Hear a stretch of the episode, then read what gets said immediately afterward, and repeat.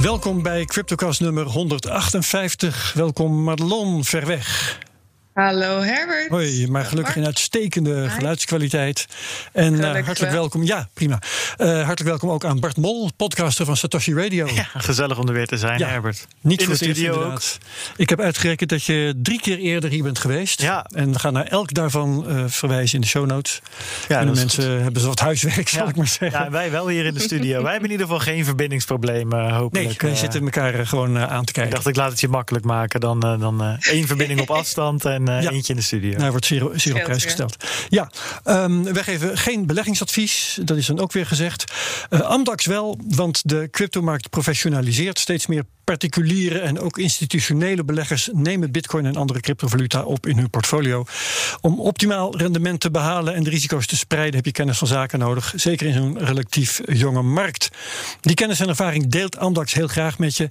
Wat een private banker in de traditionele wereld doet, doen de vermogensbeheerders van Amdax in het cryptodomein. Dat jullie het weten.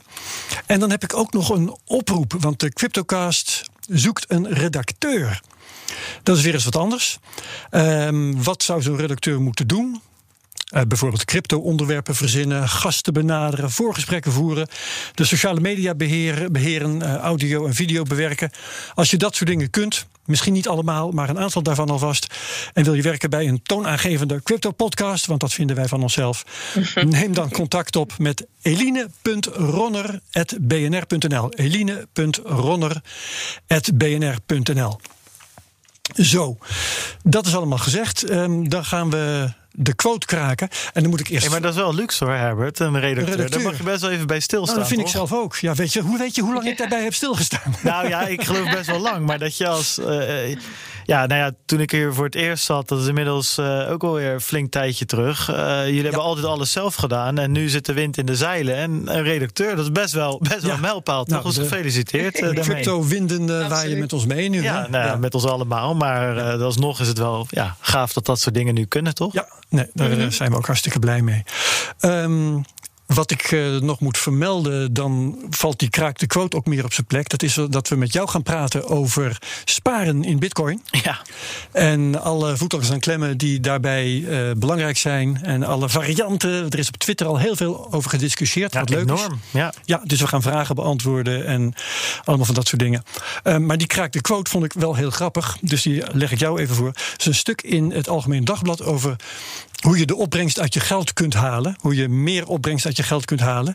En daar uh, kom je dan dingen tegen als um, isoleer je huis. Neem zonnepanelen, uh, los je schulden af. Ik, ik noem er maar even een paar. Uh, schenk aan je kinderen. Dat scheelt dan ook. Investeer in jezelf. Uh, bla, bla, bla, bla. Van alles en nog wat. En wat staat er niet in? Mag jij raden? Ja, ik heb het stuk uh, doorgescand. Ik mis de bitcoin, uh, Herbert. ik denk dat je daarom doelt. ja, en, en uh, de, in deze rubriek hebben we het meestal over gewoon feitelijke onjuistheden. Stomme dingen die over bitcoin wordt gezegd. En ik vond het ja. wel aardig om deze ook een keer te vermelden. Omdat bitcoin juist helemaal niet vermeld wordt. Terwijl dat natuurlijk, vinden wij hier tenminste, wel zou moeten. Heb jij dat stuk gezien in het AD, Madelon? Nee, ik heb het stuk niet gelezen. Uh, maar ik ben wel benieuwd, staat belegger er überhaupt bij? Beleggen. Uh, moet even ja. snel doorscannen, want ik weet het niet. Maar beleggen in vastgoed staat hier. Pensioen beleggen. Ja hoor, dat uh, koop goud on, en, of wijn. Ik weet niet of je dat beleggen vindt. Wauw. Maar ja, ja, eigenlijk wel. Hè, goud natuurlijk. of wijn? Goud of wijn. Oké, okay, dat is ook een totaal... Goud of wijn. Precies. uh, dat zegt Madelon ook.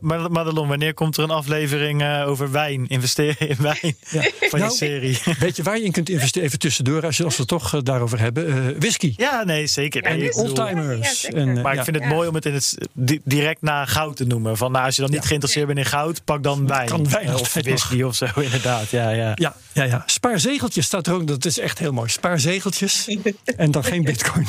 nee, maar uh, die zegeltjes, ik wil ze niet tekort doen. Want voor mij pak je daar nog steeds iets van 6% op. Uh, ja, het uh, is 10 geweest volgens mij. Ja. Maar ja, 6 is een vorstelijk rendement natuurlijk. Nee, ja, in nee, deze, ja, ja. serieus. Dat, Alleen je kunt niet meteen, als je stel dat je 10.000 euro hebt of zo. En wat moet ik daarmee?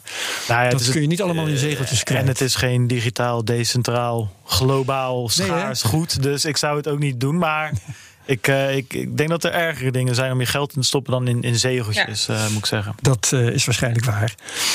Um, Oké, dan uh, kunnen we natuurlijk ook nog melden dat uh, mensen die een uh, leuke vondst hebben voor deze rubriek, dat die die aan ons kwijt kunnen. Liefst via Twitter, CryptoCastNL.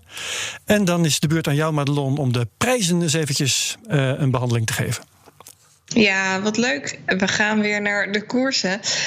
Um, even kijken hoor, waar we vorige week nog stonden. Vorige week was het de uh, derde uit mijn hoofd. En toen hingen we, nou, op zich wel oké, okay, maar niet fantastisch hoog. Hè. We hingen toen rond de 50.000 dollar. En ik ja. gaf al aan, we zitten in een mooie opwaartse beweging. En dat hebben we gezien. We hebben Je hebt het gezegd. de oude. Ja. Precies, we hebben even de oude weerstandslijn getest als nieuwe steunlijn. Wat er eigenlijk precies bij hoort. Uh, om daarna weer opwaarts te kunnen stijgen. En we zijn dus even teruggezakt naar 46.700 dollar om en nabij. En daarna hebben we eigenlijk een hele mooie opwaartse beweging gezet. We zijn uit uh, het patroon gebroken wat zich daar had gevormd. Dat noemden we een kap- en een handle patroon. Die we vanaf 3 maart tot ongeveer 9 maart uh, gezien hebben, die formatie. En op basis daarvan kon je heel simpel een koersdoel berekenen. En dat koersdoel lag om en nabij de 56.000 dollar. Nou, daar zijn we nu alweer uh, ruim boven gestegen. Gisteren bereikten we dat koersdoel al reeds. En het lijkt erop dat we ook nu weer de vorige high die we gezet hebben, die stond ongeveer rond de 7.000, 7,500 dollar daartussenin. Dat we ook die weer zullen gaan doorbreken. En dan komen we toch wel erg dicht bij die all-time high. Ik had gisteren ja. eventjes zitten rekenen. En toen zaten we uh, 2,5% van de all-time high af. En als je dan die grafiek van plan B erbij pakt, hè, hij zegt altijd like clockwork. het is wel echt één op één met de voorgaande cycles. En dan zouden we er ja. dus ook nog lang niet zijn. Dan hebben we echt nog wel een maand of twee, drie waarin die koers nog uh, fors omhoog kwam. Ja, 288.000 dollar hè, was. Uh... Yes, de target van. Uh, oeh, hallo, ik durf er niet aan te denken. um, weet, weet, je wat ik grappig vond? Dat, ik weet werkelijk niet meer waar ik dat, dat het tegenkwam. Maar gisteren, toen ik de crypto-update moest maken uh, op woensdagochtend. toen um, kwam ik ergens tegen dat het. Uh, op dat moment waren er vijf achtereenvolgende dagen geweest met groen. Dus dat de bitcoin was gestegen. En uh, dat bleek het hele jaar nog niet te zijn gebeurd. Hm? Dat is toch wel grappig, hè? In zo'n jaar van zo'n ja. bullrun, want dat is het toch. Um, was uh, vanaf 1 januari nog nooit vijf dagen achter elkaar. En we komen nu al terecht op de zeven. Maar ik, heb dat, ik heb dat echt even gecheckt. En wat blijkt dan? De eerste dagen van dit jaar maakte deel uit van een hele lange groene serie. Waarvan het grootste deel in december lag. Ja. Dus dat het er geen vijf ah, okay. in uh, januari waren geweest, dat had er meer uh, mee te maken dat januari op de verkeerde dag begon, als het ware. Ja, precies. Ja. Dus, maar, en het maar lijkt even er ook goed, wel op. toch. Het lijkt er ook wel op, Herbert, dat we zien dat de stijging ietsje minder hard verloopt.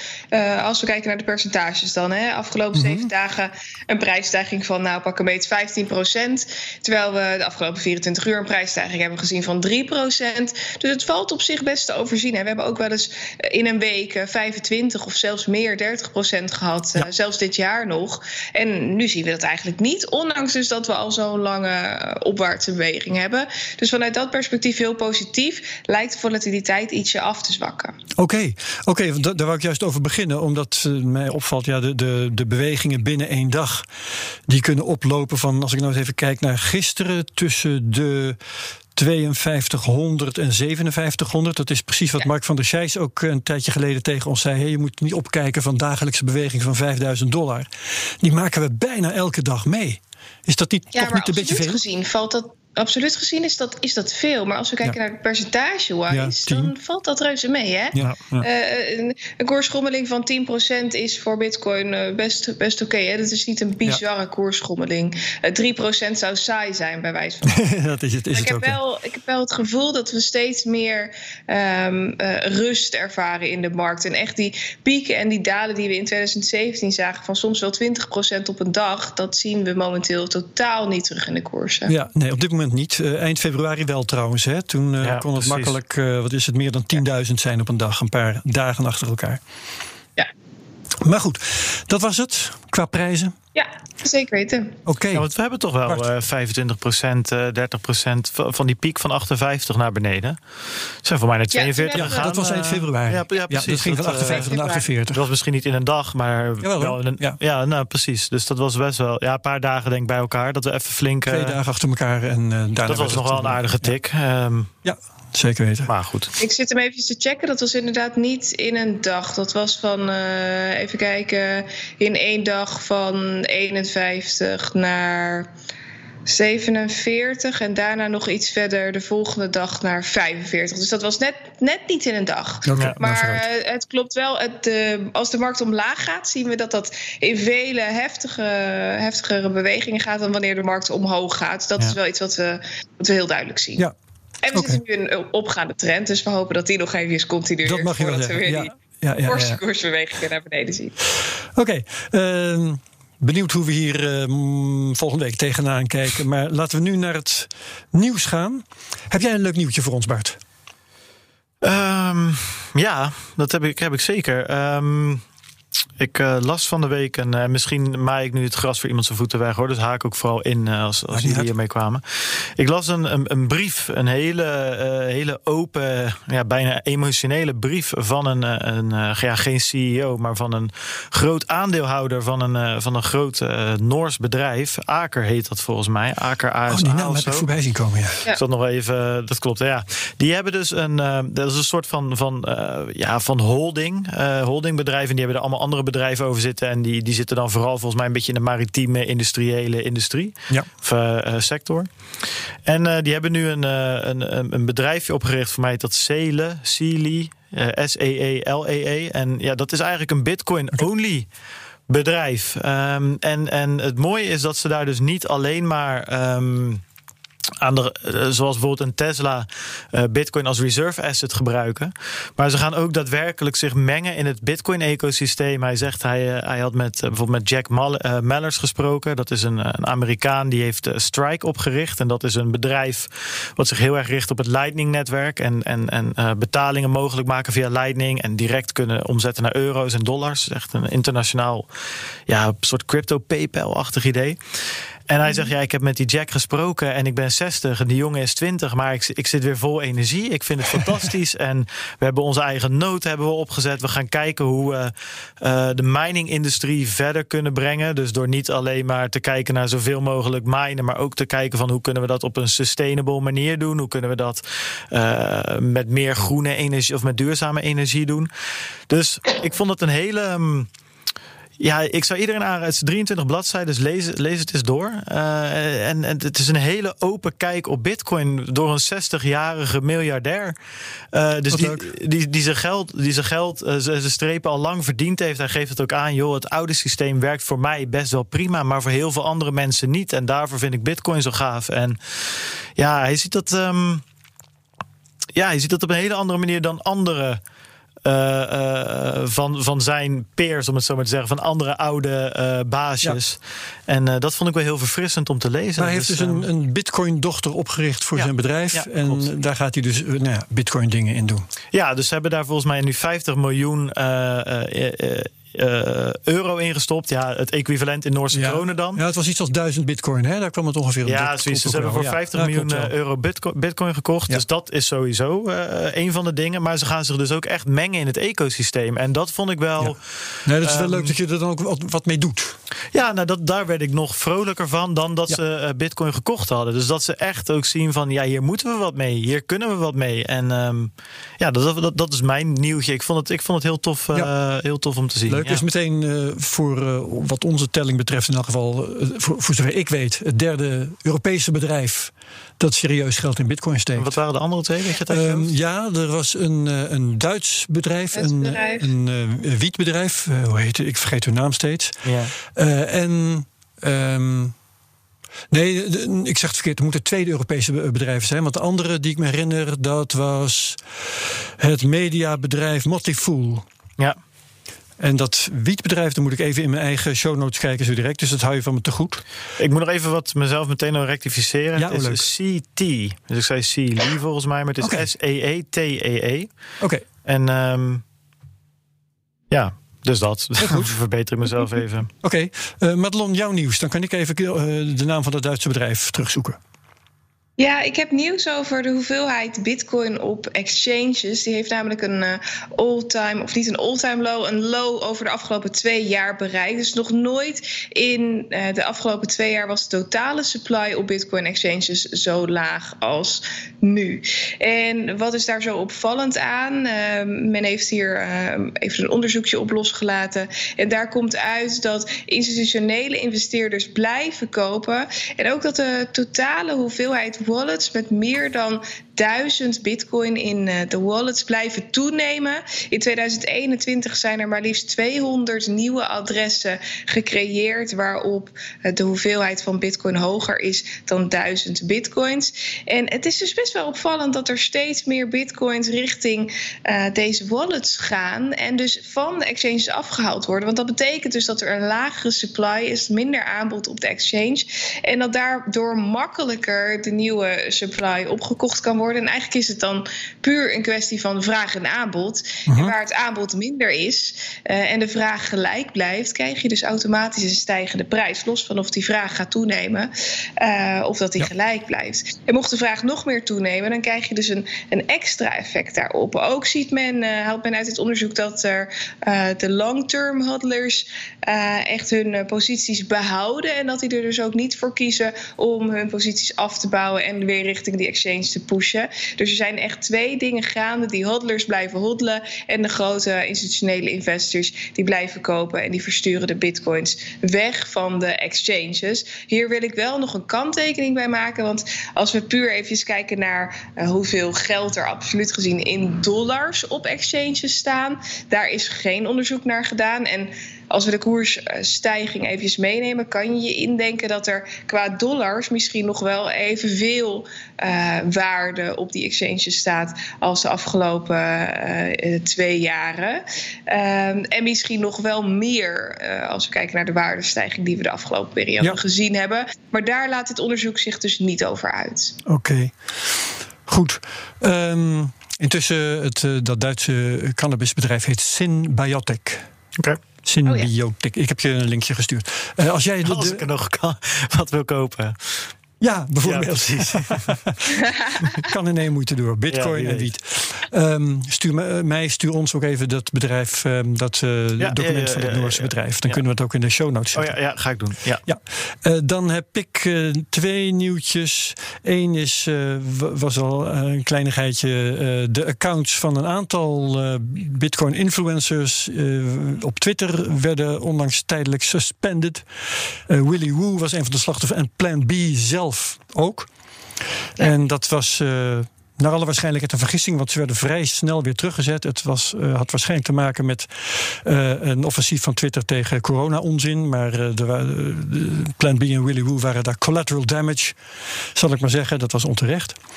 En het andere... vreemde was wel dat dit samenviel met ook de bands van YouTube. ik zag onder andere het kanaal van MM Crypto die wegviel. Ja. En er waren, waren meerdere kanalen die okay. echt suspended waren op YouTube. En daarna daarnaast kreeg ik een aantal berichtjes van wat volgers die zeiden: Ik kan niet meer jouw video's zien. Uh, en hetzelfde gold voor bijvoorbeeld de video's van Didi Taihutu, die niet meer bekeken konden worden. En ik heb dat zelf hey. gecheckt. Uh, ik heb daar vanuit mijn uh, browser geen last van. Dus het is wel een beetje vreemd. Dus het lijkt ja. wel alsof er iets meer aan de hand is. Of dat dezelfde systemen gebruikt zijn. Om uh, ja, toch iets, iets aan te passen ten opzichte van voorgaande. Het is niet voor het eerst dat, dat YouTube een beetje vervelend doet tegen crypto-kanalen, hè?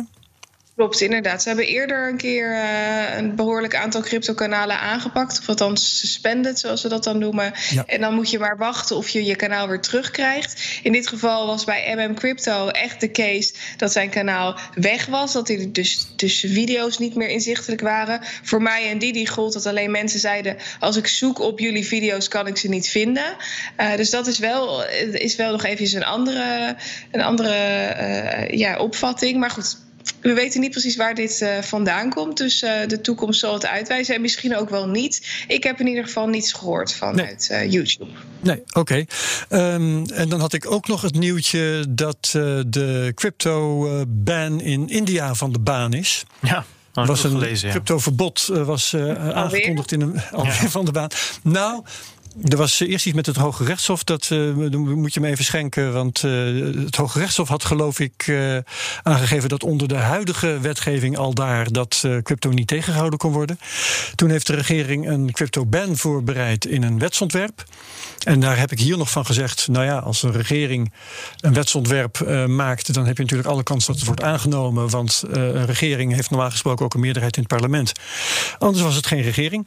Ehm, maar dat is nu toch van de baan. De minister van Financiën van India heeft eh, eh, aangekondigd dat ze een eh, very calibrated stance, dus een zeer evenwichtige houding willen gaan aannemen tegenover crypto. En dat een verbod daar geen deel van zou uitmaken. Wat dan wel? Nou, regulering ongetwijfeld wel. Ja. Maar eh, dat zullen we dan afwachten. Ja. En wat ik wel interessant vond, was dat de koers daar geen dolle sprongen van is gaan maken. Terwijl het gaat wel om een land van, ik geloof, 1,3 miljard inwoners. Ja. Dus het scheelt wel of daar wel of niet vrijelijk in crypto gehandeld mag worden. Ja, maar ze hebben wel vaker dit soort eh, uitingen gedaan. Soort ik kan me herinneren dat ze in 2017 ook een keer de exchanges aangepakt hebben. En al eerder een verbod gedaan hebben. En toen werd het verbod weer opgeheven. Eh, toen was er weer een verbod op mining. Ze blijven een beetje eh, Ja. van links naar rechts gaan daar in India. Ja. Dus ik denk ook dat de markt daar op een gegeven moment wel een beetje klaar mee is. Ja, fut blijkt fut. Uiteindelijk toch weer. Toch, ja, dat is Ja. toch, toch ja, als je wat langer meedraait, dan, eh, ja, dan, dan zie je het je toch wel. op. Nou ja, dan, ja, uiteindelijk wel een beetje. Totdat Ja. het echt, echt een wet is, zeg maar. Hè. En, en Ja. vaak wat je wel merkt. ehm, Laatst was er ook zo'n bericht dat alle miners weg moesten uit eh Inner Mongolia in China Ja. of zo. Klopt. En eh, Peter, Peter Slachter, die had het helemaal uitlopen zoeken van nou, hoe, zit, hoe zit dat nou precies? Of helemaal uitlopen zoeken. Hij had een uurtje besteed, zeg maar. Hè? Weten komen. Ja, nou precies. En, en, en uiteindelijk kwam het allemaal van een, een of ander standaard berichtje van, van Reuters, volgens mij. Hè? Een persbericht Ja. of een, gewoon een nieuwsberichtje. Ja, en dat ja. wordt dan ja, klakkeloos overgenomen en nog wat dingetjes bij eh, verzonnen eigenlijk. En dat bleek het te zijn. En dat bleek ook om iets te zijn. Er zat wel een kern van waarheid in, maar er waren heel veel mitsen en maren. En die vielen allemaal weg. En dat zie je vaker. eh, eh, ja, hoe verder. ehm, eh, de wet gemaakt wordt, hè, geografisch, geografisch ge- ja, ja. gezien. En hoe verder ook die cultuur zeg maar, van ons af ligt. Hè, bijvoorbeeld Zeker China, taal wat, niet wat- vergeten, Precies, wat, wat ja, inderdaad taal nog is. Er zitten zoveel barrières, zoveel vertaalslagen die gemaakt moeten worden. Ehm, ja, dat, dat, dat, dat, eh, dat er heel veel verloren gaat. Dus ehm, kijk, in Nederland, Europa kan je dat wat beter bijhouden. Amerika denk ik ook nog wel nog enigszins vergelijkbaar. Maar vooral India, China, Rusland, Ja, Iran. eh, Iran. eh, ja, dat, dat is toch allemaal een hele andere wereld, letterlijk. En ehm, Ja. dan blijkt het toch vaak lost, heel veel lost in translation te gaan, om het zo Ja, maar eens zeker. te zeggen. Oké, ehm, als je meer wil hebben op het gebied van crypto nieuws, dan kun je ook de crypto update volgen elke woensdagochtend om tien voor half tien en als podcast op bnr.nl en in je podcast app. Crypto update voor meer crypto nieuws. Bij Madelon stort de boel nu in. maar Mexico is al wat gewend volgens mij. Nee, ik dacht ik pak even wat water. Er staat hier zo'n Ah, ja. watermachientje naast mij. Maar blijkbaar maakt dat iets te veel. Er hoor. komt zo'n bubbel, zo'n bubbel Ja, uit, het zeker. klonk, klonk alsof Ja, ja. er eh, een kast omviel, maar goed. Eh, we gaan gewoon onverstoorbaar uh, microcashen. Voor de vijftiende keer cash ik 1% van de ene bitcoin die ik ooit had. Het saldo was 0,8687 bitcoin. De koers was vanmorgen 55.717. Had ik maar wat langer gewacht. Het is nu 57.000, zag ik net. Uh, maar hij was even goed 12% hoger dan vorige week. Dus een all-time high op donderdag. Hè. Dus op donderdag was de koers nog nooit zo hoog van de bitcoin. De dollarwaarde van mijn saldo was 48.404 dollar, ook hoger dan ooit. En ik cash dus 484 dollar. 50 dollar meer dan vorige week. Het totaal aan cash is nu 5009 dollar. Dus ik heb mijn inleg terug naar het lon. Jee! En uh, ik heb ooit gezegd... Voelt het ook zo? Dat ik mijn inleg ja, dat voelt zo. nee, maar ik bedoel, voelt het goed? Of ja, heb dat je zoiets van... Uh... Nee, het voelt goed. Want weet je, 15 keer een procent en je hebt 100 procent van je geld terug. Dat is toch bijzonder? Ja. Ja. Uh, en uh, wat ook grappig is, uh, ik heb nu in één keer heb ik 9% wat ik incasseer. De eerste keer dat ik cashte, dat was dus 15 weken geleden. Toen stond de koers op 19.000 nog wat. Toen cashte ik 3%. He, dus de koers is verdrievoudigd. Nou ja, dat is natuurlijk allemaal makkelijk uit te rekenen. Um, en wat ik nu nog heb liggen, die, dat is 8, sorry, 0,8601 bitcoin. Dat is dus pure winst. Ja. Dat is leuk. Um, en wat ik ook grappig vind om te uh, memoreren. Uh, ik heb dus 15 keer een procent gecashed. En dan zie je dat die procentjes inderdaad steeds kleiner worden. Want ik heb nu nog 86 procent over. Gewoon elke keer een procent van wat er over is. Dan worden die procentjes steeds kleiner. En dat eh, levert mij nu dus gewoon al 1 procent over die ik uh, nog in kas heb. Heb je die spreadsheet ergens? Die moet je eens online gooien. Ja, de, elke week staat er een link ah, Oké, okay, fantastisch. Kun je dan gewoon, heb ik, dan heb ik niks gezegd. Naartoe gaan. Ja, um, dus dat is dat. Uh, ik heb ook nog de Bitcoin Treasuries bekeken. Daar is erg weinig in veranderd. Vorige week hadden we 6,49% van alle Bitcoin in die Treasuries. Nu is het 6,50. Dus ik dacht, weet je wat, dat slaan we maar eens een keertje over. En we gaan lekker met Bart praten. Um, want de directe aanleiding dat jij hier zit, is dat jij een tijd geleden een mooie draad twitterde over sparen in Bitcoin. Ja. Ja, dus jij spaart in Bitcoin. Ik stel voor dat je maar eens gewoon uitlegt waarom. Ja, nou ja, ik denk dat dat. ja, nee, dat was, was wel grappig. We hadden de, je even? Ja, nee, ja zeker. Het, is, het, is, het, is, uh, het onderwerp maakt de tongen los. Hè, dat, uh, dat jij bleek op Twitter ook. Jij hebt het op Twitter gezet van: joh, we gaan over sparen praten. En er zijn allemaal vragen over. Um, en meningen over vooral. Dat maakt het, dat maakt het leuk. En um, ik wil ten eerste zeggen dat. Zeg maar, wat ik voor mij doe, en dat wil ik ook best uitleggen waarom ik dat doe en hoe ik dat doe. Maar dat is niet een soort van one size fits all. We, nee, we, leven, we leven niet meer in 1970 waar je een, een spaarrekeningetje kon openen en eigenlijk risicoloos 10% kon pakken elk jaar. Weet je, die, die, die wereld daar leven niet meer in. Um, Toen was de inflatie ook hoger trouwens. Ja, oké, maar goed, toen had je, je, waarschijnlijk je netto. Uh, hè, dus, maar jullie waren er toen nog niet mee, ik wel. Nee, nou ja, nee, nee, nee, goed, inderdaad. Ja. ja. was de inflatie toen ook echt hoger, Herbert? Ja, die was echt uh, 9 of 10 procent. Ja. ja, dat is wel grappig, want ik no zag kidding. toevallig deze week een uh, tweet voorbij komen van uh, Bert Slachter over sparen op de spaarrekening. Ja. En hij gaf daarin ook aan van hè, wat, wat heb je dan liever? Uh, een hoge spaarrente en een beetje inflatie, of een lage spaarrente, of nagenoeg geen spaarrente en, en geen inflatie. Hij had hier ja. bijvoorbeeld 5% rente en 0 inflatie, of 10% rente en 15% inflatie. Mm -hmm. En hij zegt bij uh, scenario, uh, even kijken, bij het eerste scenario. In het eerste geval is je saldo na een jaar 5% hoger. En de spullen die je ermee wil kopen zijn even duur. Dus dat is top. Maar in het tweede geval is je saldo na een jaar 10% hoger. Maar de spullen die je ermee wilt kopen ook 15% hoger. Dus dat is niet zo top. Ja. Dus in, in uh, 1970 was dat toen ook het geval, uh, Herbert. Dat um, de inflatie hoger was dan de rente die je kreeg. Of dat dan niet? Dat ontliep elkaar niet zo heel veel. Uh, hmm. En dat zal het ene jaar zal iets anders zijn geweest dan het andere. Maar ik herinner me rentepercentages van uh, tegen de 10%. En ik herinner me inflatiepercentages ja. van tegen de 10%. Ja. Dus laten we zeggen dat de reële ja. rente rond de nul schommelde. Ja, nou, ja, maar goed, in, in dit geval hebben we natuurlijk te maken met geen van beide scenario's die Bert schetst. Omdat we te maken hebben met toch wel een beetje inflatie en nagenoeg geen rente. Dus, ja, nee, precies. Ik, ik, denk uh, wat Bert ook heel goed aangeeft in dat, uh, in dat draadje op Twitter, is dat je dus kijkt naar het reële rendement. En hij heeft in die, in die tweets heeft hij ook een grafiekje erbij staan. Daar kun je eigenlijk precies zien dat pak een beet rond 2010 2010 is dat reële rendement van een paar procent in de plus uh, geswitcht naar in de min. Juist, ja. He, dus dat betekent dat je ja, dat, dat sparen niet meer loont. Uh, heel simpel gezegd. Dus nou ja, goed, daar, daar begon ik over. In die, in die wereld leven we niet meer. Dat, dat sparen op een spaarrekening loont. Dus dan moet je op zoek naar alternatieven. En uh, dat heb ik voor mezelf gedaan. Ik ben bij Bitcoin uitgekomen. En ik denk dat het leuk is om daar wat over te praten. Um, ik denk verder, kijk, er zijn veel vragen gesteld. Ik denk dat we die soort van maar moeten categoriseren en een beetje na moeten lopen. Ik ja, denk, al pratend komen we er wel langs een aantal. Ja, dus, ja. dus precies. Ja, kijk, ik denk dat het goed is om, om te... Um, ik heb eens in de dikke vandalen gekeken... van wat staat er nou eigenlijk bij sparen? Hè? Want we kregen zoveel vragen over... Wat is het? Hè? Ja. Is het sparen? Is het beleggen? Is het speculeren? Is het investeren? Uh, hoe, hoe zit dat? Maar misschien moet ik het eerst aan jullie vragen. Wat is, wat is jullie definitie van, van sparen? Madelon, wou jij uh, aftrappen? Oeh, ik, ik, heb daar ja. eigenlijk überhaupt niet echt bij, bij stilgestaan. Ja, okay. sparen. Waarom je spaart is best wel simpel. Hè? Je wil het liefst een beetje vermogen, je vermogen vergroten. Dat is eigenlijk de reden waarom je spaart. En normaliter ja. is het zo dat je daarvoor een risico uh, draagt. Hè? Want je leent je geld uit aan een derde partij. In, in dit geval dan de bank. En de bank betaalt jou voor, daarvoor dan rente. Um, Tenminste, dat verwacht dus je. Ja, dus, dus eigenlijk zou sparen, als we naar die theorie kijken, zijn het vergroten van je vermogen met behulp van een, een derde partij of het, het lopen van risico. Maar als je kijkt naar sparen in Bitcoin, is dat totaal niet het geval. Dus ik vind het een lastige. Ja, ja, ja.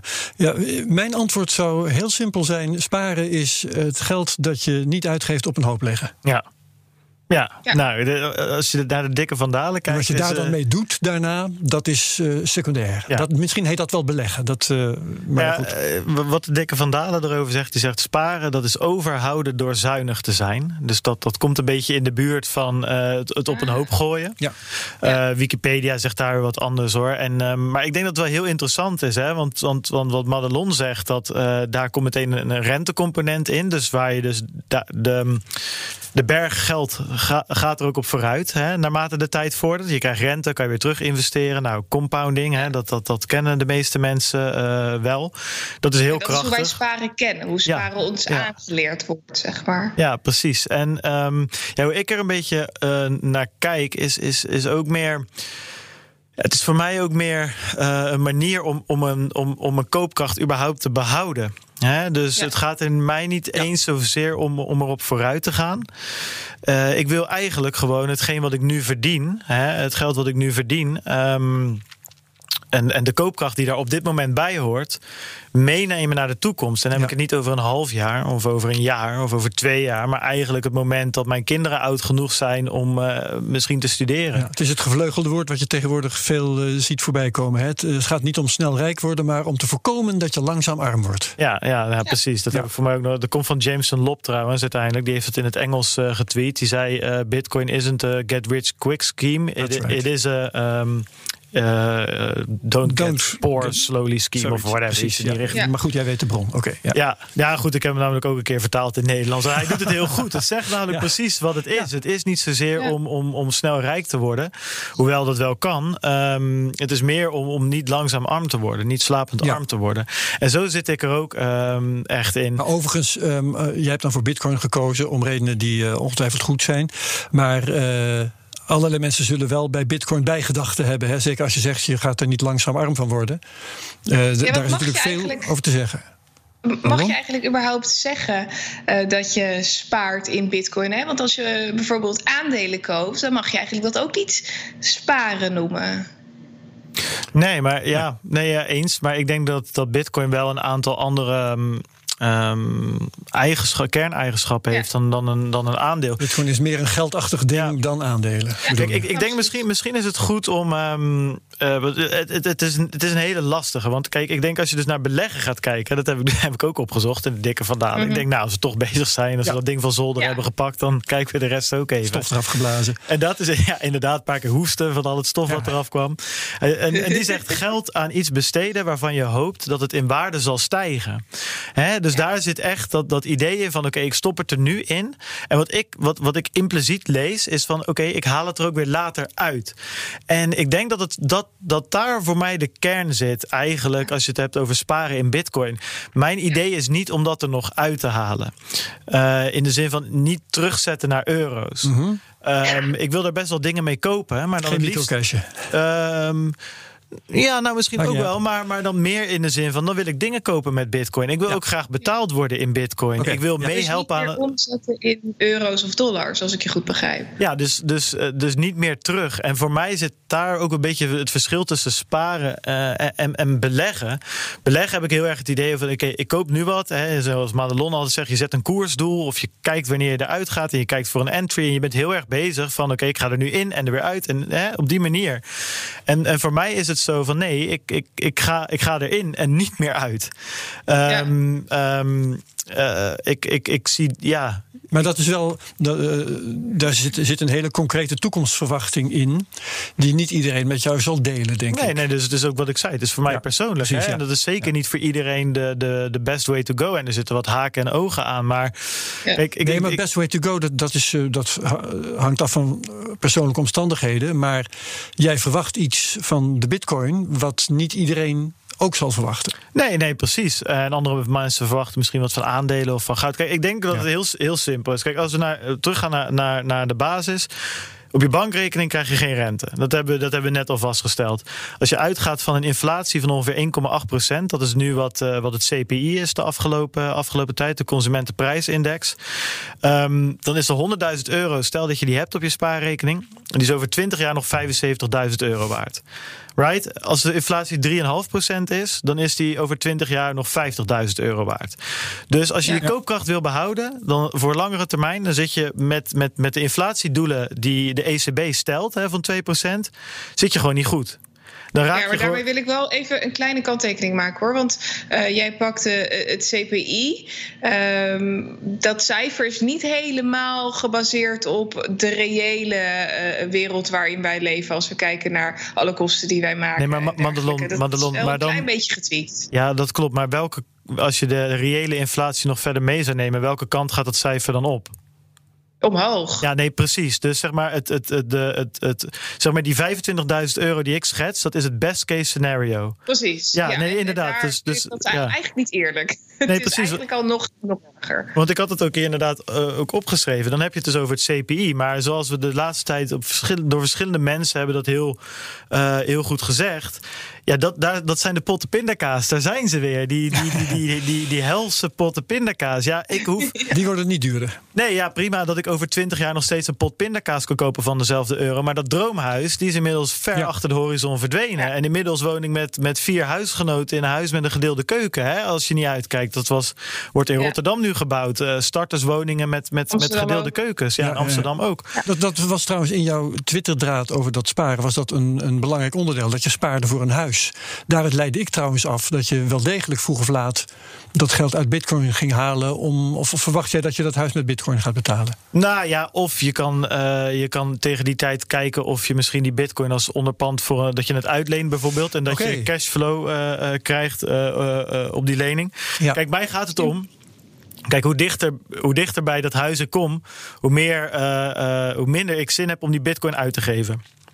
Hoezo? Um, ja. Nou, omdat ik denk, als, mijn, als, laat ik zeggen, als mijn bitcoin, als ik daar een huis voor kan kopen, dan zitten we op een punt waar, waar, waar je misschien wel zou kunnen gaan denken dat bitcoin echt die, mon, uh, uh, die, die, die monetaire reserve munt gaat worden. Mm -hmm. Ja, en waarvoor zou ik het dan nog wegdoen? Dan moeten er andere manieren ja. zijn om daar een cashflow mee, ja. uh, toch, mee te toch krijgen. doe je dan verschillende dingen die door uh, mensen wel wordt, worden afgeraden. En dan bedoel ik niet bitcoin-haters, maar dan bedoel ik uh, adviseurs die zeggen: prima als je in bitcoin belegt, ja. maar geen al te groot deel van je vermogen, want je moet wel bereid zijn om het eventueel te verliezen.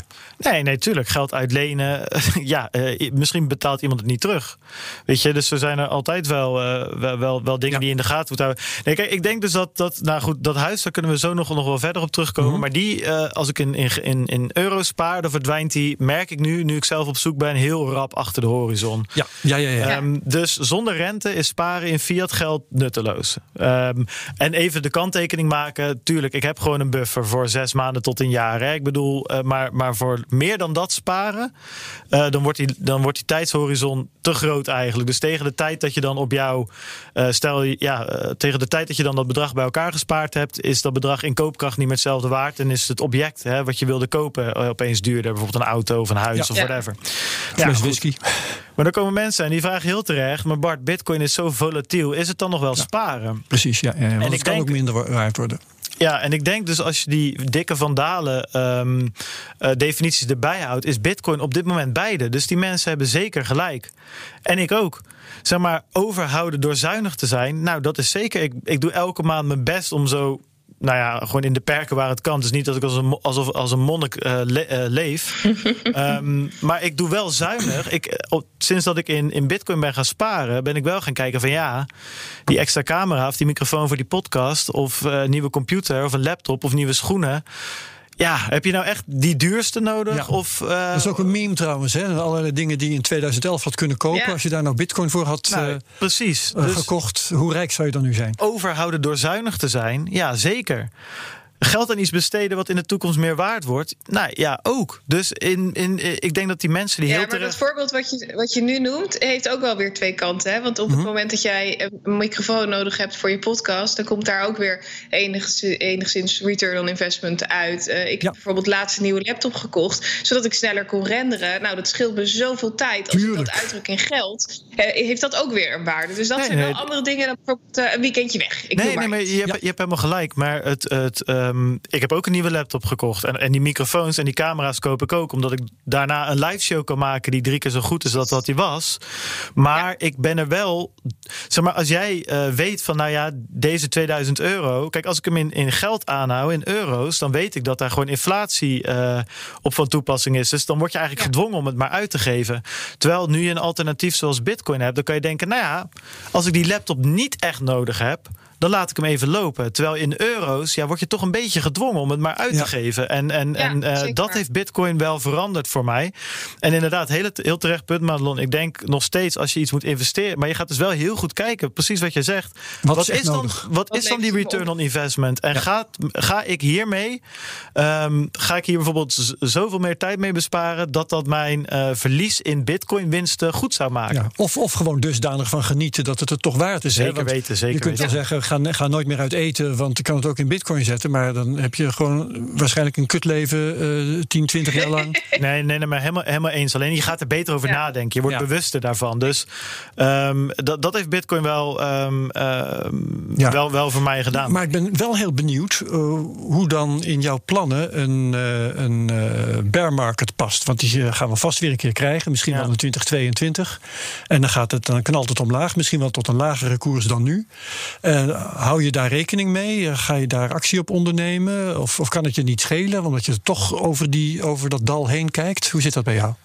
Ja, dat is een hele goeie. Ik denk dat je dat sowieso een keertje mee moet maken om. ehm, ehm, ja, om, om er wat mee te kunnen. En Mhm. dat was voor mij 2017.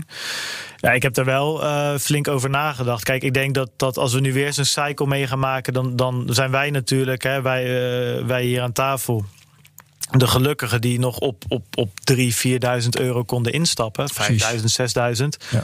Dus dan op een gegeven moment kom je op een punt waar je ook wel even de karige tijden doorkomt qua buffer. Hè? Ook al daalt Bitcoin dan 30, 40, Ja, heb 50 je toch in de procent. plus. Dan, dan, dan blijf je nog wel aardig staan. Ja, Maar- tenzij je, eh, want ik dacht dat jij eh, zo ook wel eh, bezig was, nog steeds elke maand inlegt.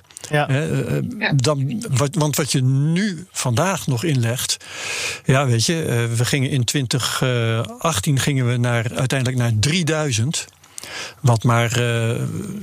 Wat redelijk dicht bij de duizend was waar we ooit vandaan kwamen, Ja. weet je wel. Dus heel veel mensen stonden toen in de min eh, die in 2017 waren ingestapt. Kan weer gebeuren. Nee, tuurlijk, tuurlijk kan, het, kan het gebeuren. Dus ik denk ook, nou, wat ten eerste belangrijk is, dek nou eerst zeg maar dat eh, zo- zoveel mogelijk zeg maar de eh eh, Taleb, eh, onze, onze grote eh, vriendelijke eh, filosoof, ehm, die, die noemt Ja, dat. is hij dat nog steeds?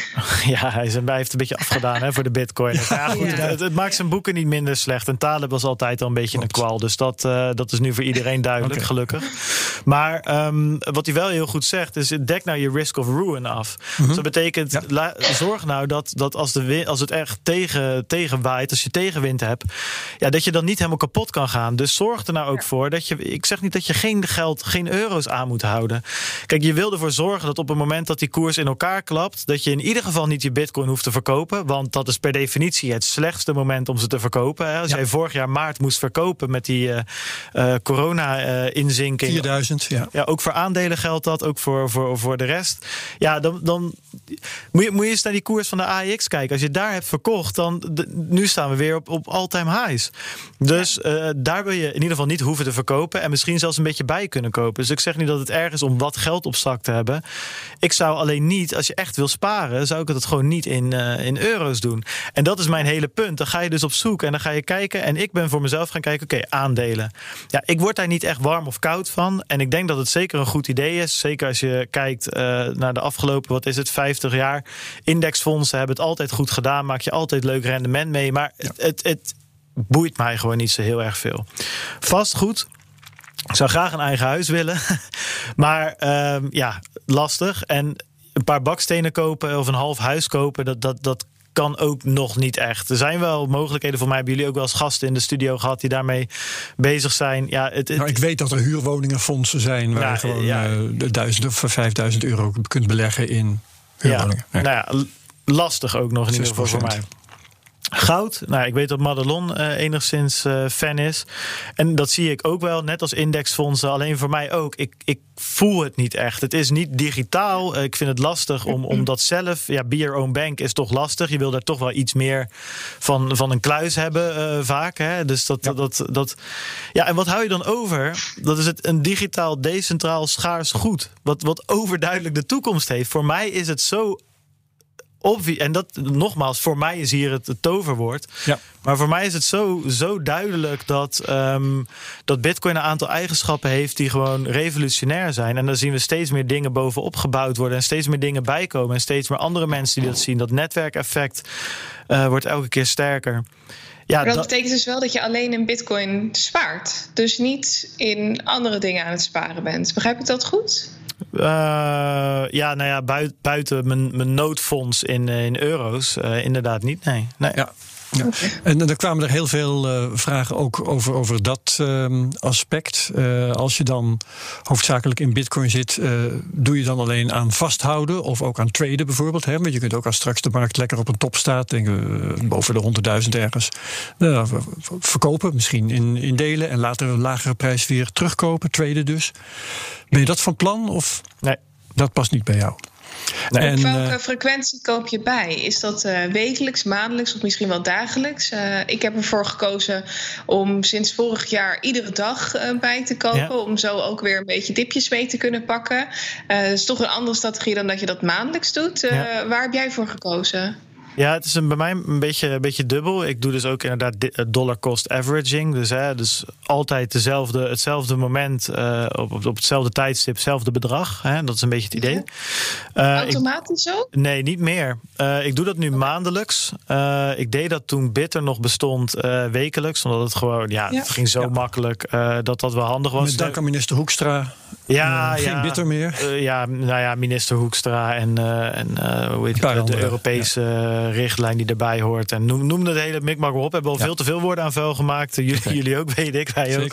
um, dus nee, ik, ik, doe het maandelijks. Wat ik wel doe, is dat ik altijd gewoon een, een, een beetje geld achter de hand hou. Als ik een keer uh, uh, 15% omlaag zie in een dag, dan, ja, ja. dan, dan, dan iets meer. Uh, dan uh, koop ik nog wat extra bij. Dus het is vooral uh, DCA. En als er een mooie kans zich aandoet, waarvan ik denk, nou, min 15% vind ik wel zo'n forse daling. Dat, dat is een mooi een koopje, om ja, het zo maar te zeggen. Korting vandaag. En um, ja, dat is voor, wat is nog wel interessant is voor de. Um, uh, hoe noem je dat? Uh, iets meer technische mensen onder ons, moet ik even bijzoeken. Um, er is een, dus een hele ja, een extreem goede uh, Bitcoin developer in, in Nederland. Jorijn heet, heet die, Jorijn Schrijvershof. En die heeft dus een tooltje gebouwd waarmee je dus zelf via, dat kan je zelf hosten, dat tooltje. En dan kan je dus automatisch kopen. En dat gebeurt dan bij Bitonic. Maar volgens mij zijn er nog een aantal andere exchanges inmiddels ook aangesloten. En um, nou ja, dat werkt dus wel heel automatisch. En dat kan per dag, dat kan per maand, dat kan per week. Ja, kan je allemaal dus dat zelf is een instellen. bitter alternatief.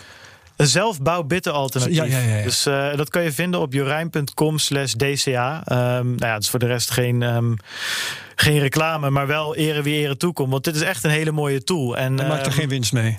Nee, nee, het staat gewoon voor iedereen beschikbaar daar. En er gaat niks van af. En ja, natuurlijk betaal je een fee, maar dat doe je bij elke broker. Dat ligt ja. bij de broker, niet bij de tool. Oké, okay, ja. Uh, dus dat, dat zou ja. ik zeker, uh, zeker aan. En veel mensen. En dat gaat dan rechtstreeks naar je eigen wallet? wallet. Ja, precies. Ja. Okay. Is eigenlijk precies hoe Bitter werkte, alleen dan zelf. En je hebt ook Relay, dat is voor mij een Zwitserse variant. Um, heb ik zelf een tijdje geprobeerd, maar ik vond de fees daar wat hoog. Dus ik heb okay. dan liever dat ik één keer per maand uh, gewoon zo min mogelijk fees betaal. En dat werkt voor mij wel. Um, wel goed. Ja, uh, ook veel vragen over uh, rente vangen op je bitcoins. We hebben ja. hier BlockFi ja. gehad. Er zijn uh, meer opties. Er zijn allerlei DeFi ja. trucendozen. Uh, je kijkt meteen heel moeilijk. Ja, DeFi trucendozen, dat vind ik altijd nog, uh, nog, nog, nog wat lastig. Zeker ja. als het om bitcoin gaat. Dat betekent dat er ergens um, um, ja, iets overgezet moet worden. Want DeFi-projecten zijn natuurlijk ja. vaak op Ethereum. En als je dan iets met bitcoin wil doen, dan moet je ze eerst rappen. En uh, dat zijn allemaal... Ja, dat zijn allemaal tovertrucs die voor mij um, risicovol klinken. Mm. Jij doet dat dus niet, met andere woorden. Nee, dat niet. Ik heb wel een tijdje terug een BlockFi-account gemaakt. Ehm, puur met de reden, nou, ik wilde het eens proberen. Ik hoorde heel veel podcasts, ja. Engelstalige podcast met, met, met, met de Bitcoin-helden. Uh, en die begonnen er opeens over. En Michael Saylor had dat gezegd. En uh, nou, toen begonnen steeds meer mensen over. Ja, in de toekomst verkoop je je Bitcoin niet meer. Je leent het uit en dan maak je daarmee rendement. En daar leef je van. En je houdt je Bitcoins voor altijd. Ja, of je gebruikt als onderpand, wat jij ook zegt. Precies, om, dat uh, soort leningen aan te gaan. En, dat, dat soort dingen. En toen dacht ik, ja, dan, dan wil ik dat wel eens uh, proberen. Dus ik heb een heel. Mijn doel is nu, um, uh, want daar zag ik ook nog een andere vraag over: van ja, hoe, hoe, hoe uh, sla je je Bitcoin op? ik heb gekozen voor een multisig oplossing. Dus dat betekent dat je meerdere sleutels nodig hebt om een transactie te kunnen aftekenen. Ja. Eigenlijk meerdere hardware wallets. Maar ik heb dat gedaan bij Casa. En Casa is een bedrijf zeg maar, die dan een van de sleutels in beheer heeft. En dat betekent dat als ik een van mijn sleutels kwijtraak, dat er een heel verificatieproces opgestart wordt en dat zij dan alsnog mij kunnen helpen daarmee. Uh, Het voordeel daarvan is dat je toch een beetje um, um, de hulp hebt van een derde partij die, die, die de hele dag ermee bezig is om de ja. laatste ontwikkelingen in de markt uh, en dat het risico van, uh, van kwijtraken van sleutels minder groot is. Ja, precies. En ja. zij kunnen niks, want zij hebben maar één sleutel, om het zo, om het zo te zeggen. Ja. Maar goed, dat kost wat, zo'n service. Een tientje per maand, om precies te zijn. Dus mijn doel is nu nu om met um, de rente die ik op BlockFi krijg, uh, mijn um, um, security te kunnen betalen. Ah. Voor, voor het overgrote deel, zeg maar. en uh, dat vond ik een grappig, uh, grappig plannetje. Dus ik heb een heel klein gedeelte op BlockFi staan om eens te kijken hoe dat werkt. Ja, mensen vragen: is het veilig? Ja, zo veilig als dat je geld uitlenen kan zijn. En het probleem met Bitcoin is: ja. als er wat fout gaat, dan is het weg. Um, terwijl bij een bank kan er misschien nog her en der wat gedaan worden. En hier ja. niet. Dus het wordt BlockFi een depositogarantiestelsel waar hoog van wordt opgegeven. Ja, nou ja, precies. Dus, en ja. dat heb je hier niet. Dus het is risicovoller. Dan moet ik wel zeggen dat BlockFi volgens mij... Uh, zeg maar als ik één bitcoin wil lenen... te waarde van pakken met 50.000 dollar... Uh, of, je moet zeg maar dubbel uh, onderpand neerleggen. Um, als je leent daar. Ja, als je ja. leent daar. Dus dat betekent dat er best wel wat koersschommelingen kunnen zijn uh, voordat, uh, voordat zo'n lening, uh, ja, voordat die positie geliquideerd moet worden, zeg maar. Ja. Dus um, ja, nou ja, goed. Ik zou zeggen, zoek het goed uit en um, probeer het lekker, maar doe dat met een extreem klein gedeelte. Ik, ik zou niet mijn complete Bitcoin pensioen daar neerzetten om te laten renderen op die manier. Nee. Ja, en eigenlijk als je puur nadenkt over uh, de, hele reden waarom Bitcoin in het leven geroepen is, staat het ook best wel haaks op wat Bitcoin is en waar het voor staat, als ik het goed zeg, toch? We gaan eigenlijk weer een beetje terug naar de banken.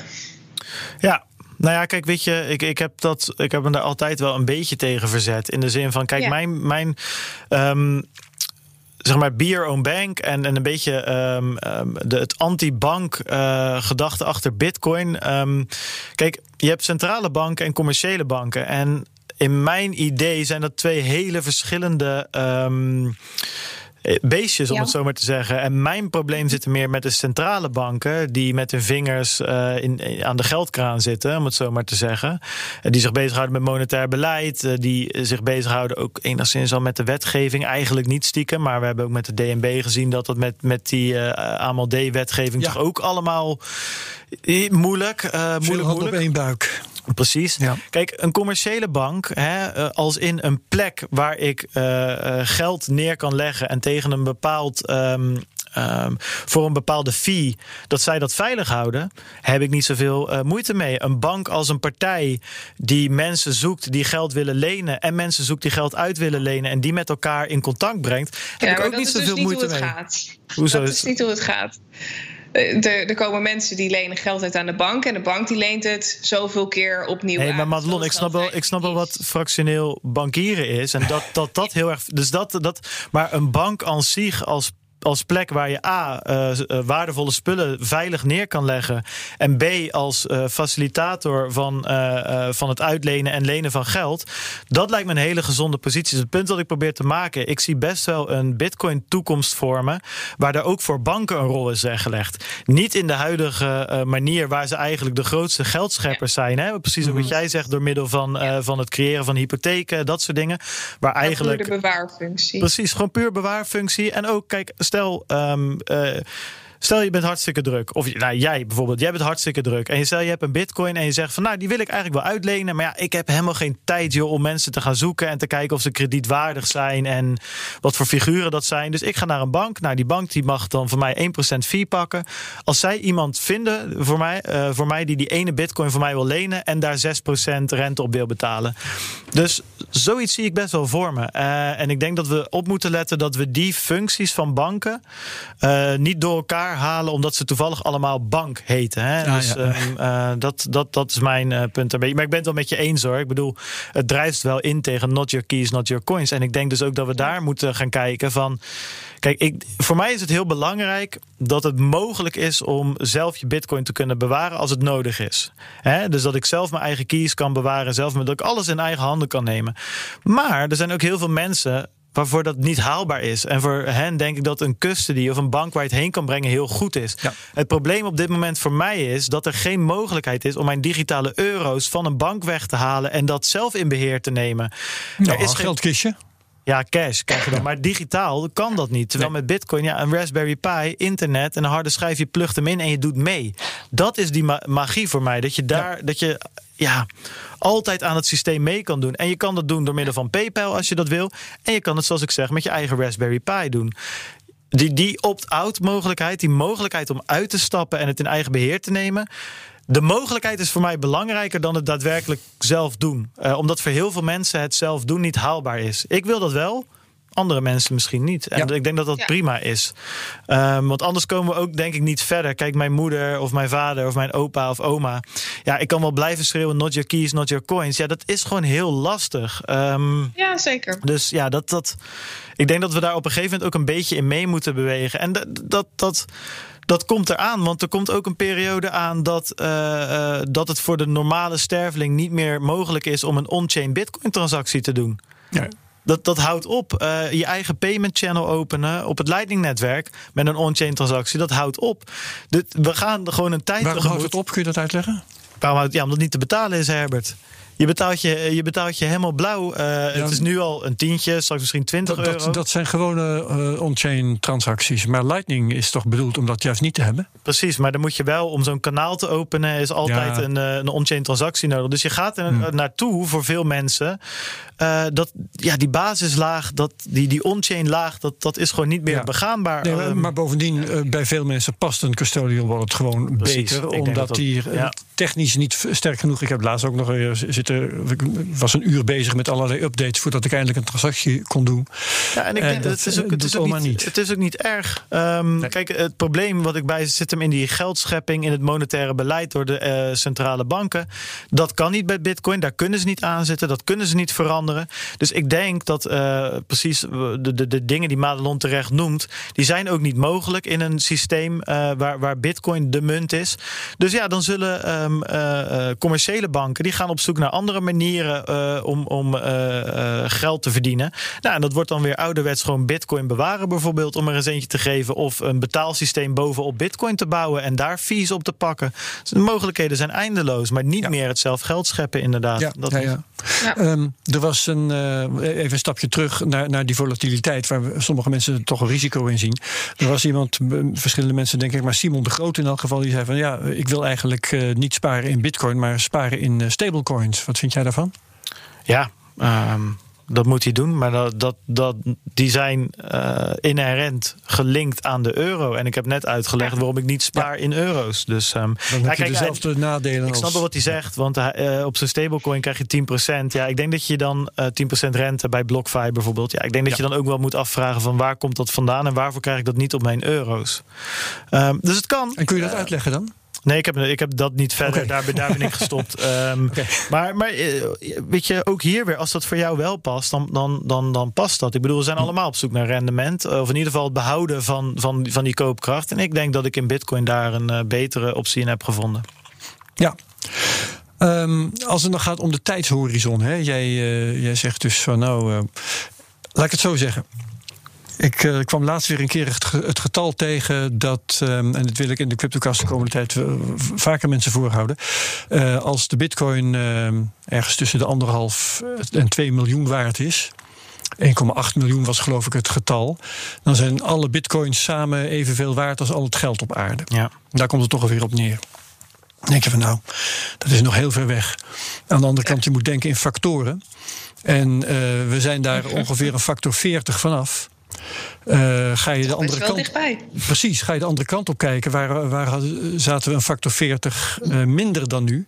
Dan kijk je dus gewoon naar 2013. Hè? Ja. Dat, is, uh, dat, dat, was die 1000 dollar. Dus we zijn daar redelijk dichtbij. Um, wat gaat er, wat gaat er gebeuren uh, als de bitcoin daar dichtbij komt? Wat verwacht je dan dat die markt gaat doen? Ja. Want het, het, het, het uh, oeverloze stijgen, het ongeremde stijgen van die bitcoin-koers, dat, dat kan dus niet eindeloos doorgaan, of wel? Nee, dat, dat zou ergens moeten stoppen. En dat is ook wat, uh, wat, wat de meeste experts aangeven. Kijk, we zitten nu in een, in, in een fase waar we omhoog schieten. Ja. Totdat er op een gegeven moment een soort van consensus bereikt is. Oké, okay, dit hoort een bitcoin waard te zijn. En dan moet die volatiliteit ja. dalen. En dan zal je zien dat bitcoin waarschijnlijk geen belegging meer is. Hè? Die, die definities die ik in het begin van de podcast opnoemde. Ja. Uh, maar dan alleen nog een spaarmiddel. Geen rendement, uh, maar stabiliteit. Ja, precies. Dat, dat is de koopkracht ongeveer behoudt door de jaren heen. En, maar dat je er niet meer uh, honderden procent rendement op, uh, op, op gaat halen. Ja, voor de rest, hoe gaat die wereld eruit zien? Dat, dat vind ik lastig. Eén ding weet ik wel zeker, daar wil ik wel bij zijn. ja. En, um, en, en dit, ik denk dat dat uiteindelijk het ding is. Kijk. Um, als mensen dit luisteren, dan wil ik ook meteen erbij zeggen van in mijn verhaal, wat ik nu heb verteld, dat is ook gewoon op, dat is op, op gevoel. En er zijn rationeel gezien, kan je aan alle kanten gaten erin schieten. En ik vraag mensen ook, doe dat. Laat het me vooral weten. Weet je, maar je hebt duidelijk gezegd dat het persoonlijk. Uh, nee, precies. En het is ook niet om me in te dekken, maar meer om aan te geven. Ik weet het ook allemaal niet. Hè. Ik ben ook ja. maar een millennial op zoek naar een manier om, om de komende 30 jaar door te komen. En misschien nog eens een keer een studie voor mijn kinderen te kunnen betalen of het huis waar ik het over had. Want dat ja. zie ik allemaal aan mijn neus uh, voorbij gaan. En wat ik bij Bitcoin heb, wat ik bij de andere investeringsobjecten um, uh, of spaarmiddelen uh, uh, minder of niet heb, ja, is er gewoon een soort magisch gevoel. En dat zal ik uitleggen waarom. Hè. Bijvoorbeeld de podcast die we doen, daar hebben we een donatiesysteem. Dat gaat allemaal in Lightning. Ja. Sinds dat we dat hebben, hebben we meer dan 100 mensen die een eigen nood hebben opgezet om een donatie te kunnen doen. We hebben mensen uit China, we hebben mensen uit Zweden. We hadden zelfs iemand uit Drenthe deze week. Maakt wel grapjes over. We hebben mensen uit, uit we hebben iemand uit Indonesië gehad. We hebben ze uit Amerika gehad. Ja. Maar uit alle hoeken van de wereld kunnen mensen een eurotje sturen. Maar een euro, Herbert, dat is. Probeer het maar via PayPal, via, vanuit China. Ja. Het kan niet. Je betaalt je kapot aan fees. Ja. Um, we hebben daar een bot opgebouwd. Dus we krijgen automatisch bericht als er wat gebeurt. Als we meer tijd zouden hebben, kunnen we rookmachines af laten gaan als er een donatie gedaan wordt. en dat is puur en alleen voor die. Dus je zit te programmeren op geld. Dat is normaal gesproken voorbehouden aan de bank. Dan moet je maar hopen dat de bank een soort van API heeft of in een functionaliteit in die app waarmee dat kan. En anders ben je afhankelijk van Molly of van Adyen of van de andere partijen. Ja. Dus mijn punt is, dit is een open systeem waar iedereen aan mee kan doen. Iedereen doet daar aan mee. En, en nu gaat het over mijn podcastje, waar we een beetje donaties kunnen ontvangen. Maar hetzelfde geldt voor mensen uh, in Venezuela, voor mensen in China, voor mensen in Afrika, die nog nooit een bankrekening hebben gehad. En nu met een investering van een Raspberry Pi mee kunnen doen. Ja. En die uh, voor het eerst een bankrekening hebben. Uh, er kan nu geld verstuurd worden via Lightning van Brazilië naar Turkije, naar China en terug binnen een paar seconden zonder fees. Ja, dat ja. is voor mij, daar wil ik middenin zitten. Ja. Ik zie hier zoveel gebeuren in die, uh, in, in die community. Er zijn zoveel mensen aan het ontwikkelen. Er zijn zoveel mensen over na aan het denken. En dan heb je nog eens al die bedrijven uh, die dat nu ook zien, daar instappen, waardoor er nog meer kapitaal beschikbaar komt voor die ontwikkeling.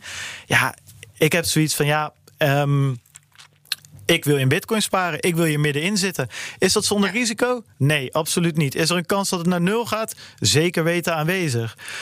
Maar ja, ik wil wel een risicootje nemen. Want ik heb, ja. ik heb niet zoveel te verliezen, Herbert. Dat is het hele punt. Ja. Ik heb gewoon niet zoveel te verliezen. En ja. ik denk dat, dat dat voor heel veel mensen uh, hetzelfde is. Um, en uh, ja, goed, dat, dat, dat is hoe ik erin sta. Dus het is meer een, een emotioneel persoonlijk verhaal dan dat het een heel rationeel verhaal ja. met modellen is. Van ik heb allemaal modellen gemaakt en ik denk dat Bitcoin het is. Het is een gevoel. Het is en, um, daarom, um, dat van die Lightning Notes, daar wil ik nog een keer uh, uitvoerig verder met je over praten. Want dat is op zichzelf heel interessant. Dat is nu geen tijd voor. We Nee, moeten er is een eind aan maken. Dat is echt, ja, eh, dus daar, eh, dat Nou, wat mensen kunnen doen in de tussentijd, ze kunnen kijken naar de noodzaak op, eh, op YouTube. Dat staat Waarschijnlijk het, NODE-zaak. ja, precies. Ja. Dat is een woordgrapje. Inderdaad, het is op het YouTube-kanaal van Satoshi Radio. Dat is ook de podcast, inderdaad. En ehm, daar leg ik het uit. Dus Ja. daar kunnen mensen alvast een kijkje nemen. Oké, briljant. Ehm Madelon, volgens mij heb jij nog een bekendmaking te doen. Ja, ik ben een beetje zenuwachtig om dit te vertellen, Herbert. Maar eh, volgende week is mijn eh, laatste aflevering voor de CryptoCast. Ah, ja. Ik wist dat Ja. natuurlijk. Ja, Dat ja, is heel jammer. natuurlijk, Bart wist het ook al. Ja, heel erg jammer. Het is ongelooflijk eh, druk geworden afgelopen jaar. Met eh, de boelmarkt en alles wat daarbij komt kijken. Je hebt veel En, succes eh, gehad. Ja, zeker weten. Maar dat zorgt er ook voor dat je heel veel tijd moet besteden aan het goed laten lopen van, eh, van je zaak. En eh, ja, dat betekent dat ik daar meer op moet focussen en eh, de boel moet aansturen om het allemaal op zo goed mogelijke manier te laten verlopen. En daarnaast wil ik graag meer focussen op content creatie voor mijn eigen kanaal onder andere. En daar gaat gewoon heel veel tijd in zitten. Dus dat betekent dat ik, dat ik moet stoppen, helaas. Met pijn in mijn hart. Ja. Nee, goed, dat geldt ook aan deze kant. Dus eh, jammer dat je gaat, maar alle begrip. En eh, eh, we gaan daar volgende week nog uitgebreid op terugkomen. Trouwens, gaan we nu niet te veel woorden aan vuil maken. Maar ik zeg wel vast dat we volgende week afscheid van jou nemen met een mystery guest. Ik Dus ben super benieuwd. we zien jou en horen jou in elk geval volgende week nog terug. Ja, Tegen luisteraars zeg ik: deel deze aflevering op Twitter. Ehm, iTunes, YouTube, je weet het allemaal. Like, subscribe, comment enzovoort. Bart Mol, dank ik heel hartelijk. Geen Veel probleem. succes met Satoshi Radio. Thanks, en we zien je hier ook terug voor die Lightning Notes bijvoorbeeld. Ik zal meenemen tegen die tijd. Ja, zeker. Dus iedereen bedankt. En voor de Cryptocast heel graag tot volgende week. Dag allemaal. Dag. Deze podcast wordt mede mogelijk gemaakt door Amdax. Het handelshuis voor de serieuze cryptobelegger.